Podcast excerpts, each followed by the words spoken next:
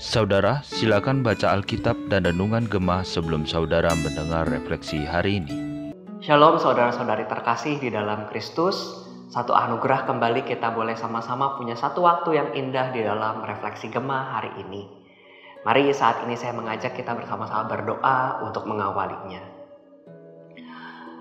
Bapak kami yang baik, kami sungguh bersyukur untuk kasih dan anugerahmu sehingga saat ini kami boleh kembali punya satu waktu yang tenang bersama dengan Engkau, bersama dengan firman-Mu. Biarlah di dalam waktu ini Tuhan, ketika kami membaca firman-Mu, hati kami boleh kembali disejukkan, hati kami boleh kembali dihiburkan, hati kami boleh kembali dikuatkan. Terima kasih ya Tuhan, hanya dalam nama anak Yesus Kristus kami berdoa. Amin. Saudara-saudari terkasih, perenungan Gemah hari ini bertemakan kesatuan gereja lokal yang didasari dari kisah para rasul 2 ayat 41 sampai 47. Namun saat ini saya hanya akan membacakan bagi setiap kita ayatnya yang ke-44 sampai 47. Demikian firman Tuhan, dan semua orang yang telah menjadi percaya tetap bersatu, dan segala kepunyaan mereka adalah kepunyaan bersama dan selalu ada dari mereka yang menjual harta miliknya lalu membagi-bagikannya kepada semua orang sesuai dengan keperluan masing-masing. Dengan bertekun dan dengan sehati mereka berkumpul tiap-tiap hari dalam bait Allah. Mereka memecahkan roti di rumah masing-masing secara bergilir dan makan bersama-sama dengan gembira dan dengan tulus hati sambil memuji Allah. Dan mereka disukai semua orang dan tiap-tiap hari Tuhan menambah jumlah mereka dengan orang yang diselamatkan. Sampai sedemikian jauh pembacaan firman Tuhan. Saudara-saudari terkasih, jikalau kita mengingat kembali masa-masa ketika COVID-19 melanda, maka waktu-waktu itu menjadi masa di mana orang-orang menjadi curiga satu sama lain. Kita semua tidak ingin tertular, maka kita menjaga jarak dan mulai sangat membatasi interaksi satu sama lain. Sikap curiga ini jelas sangat mengganggu hubungan kita dengan orang lain. Dalam lingkup iman Kristen kita bisa mengatakan bahwa sikap saling curiga seperti ini merusak persaudaraan Kristen.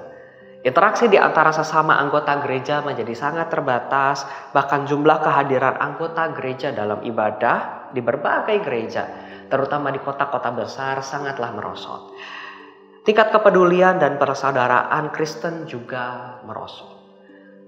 Saudara-saudara yang terkasih, bagian yang sudah kita baca tadi mungkin akrab bagi setiap kita juga, menunjukkan bagaimana gereja mula-mula yang terbentuk pada hari Pentakosta, mereka memang tidak mengalami pandemi, tetapi mereka mengalami ancaman dan penganiayaan, baik dari pihak orang-orang bukan Yahudi maupun dari orang-orang Yahudi yang menentang kekristenan.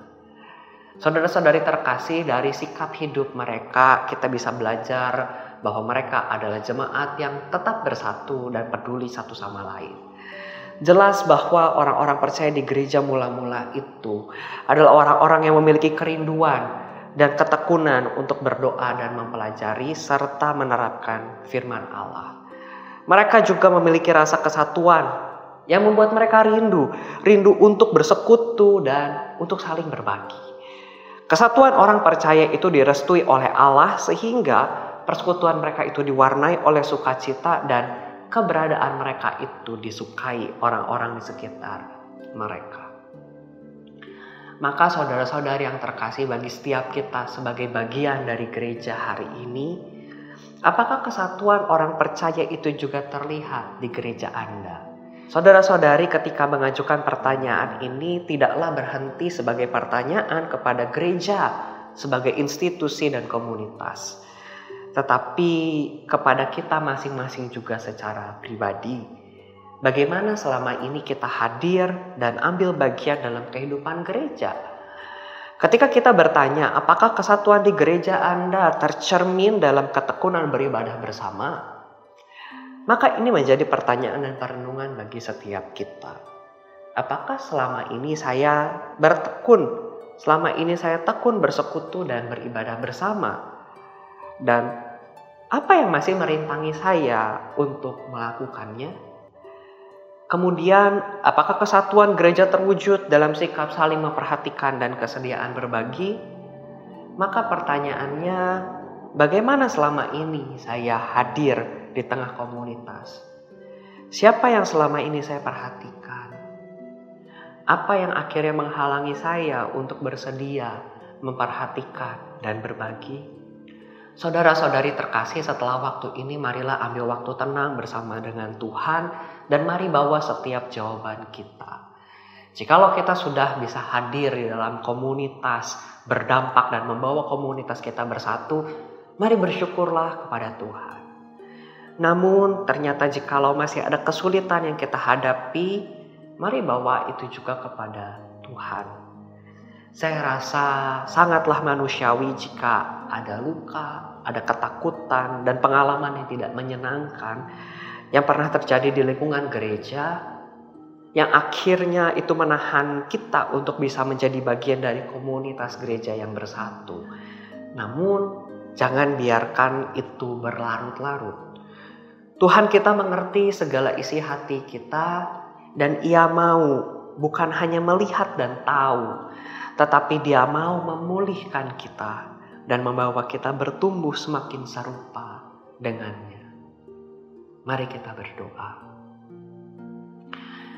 Bapak terima kasih untuk firman-Mu yang boleh kembali menyapa setiap kami dan mengkoreksi setiap kami. Tolonglah kami Tuhan sebagai bagian dari gerejamu di dunia ini agar kami bisa menjadi bagian dari gerejamu yang bersatu Kehadiran kami boleh membawa persatuan. Kehadiran kami boleh memberikan dampak. Sehingga gereja mula-mula yang selalu diidam-idamkan oleh setiap kami dapat sungguh terwujud pada masa kini di tengah-tengah masyarakat zaman ini. Terima kasih Tuhan. Dalam nama anak Yesus Kristus kami bersyukur dan berdoa. Amin.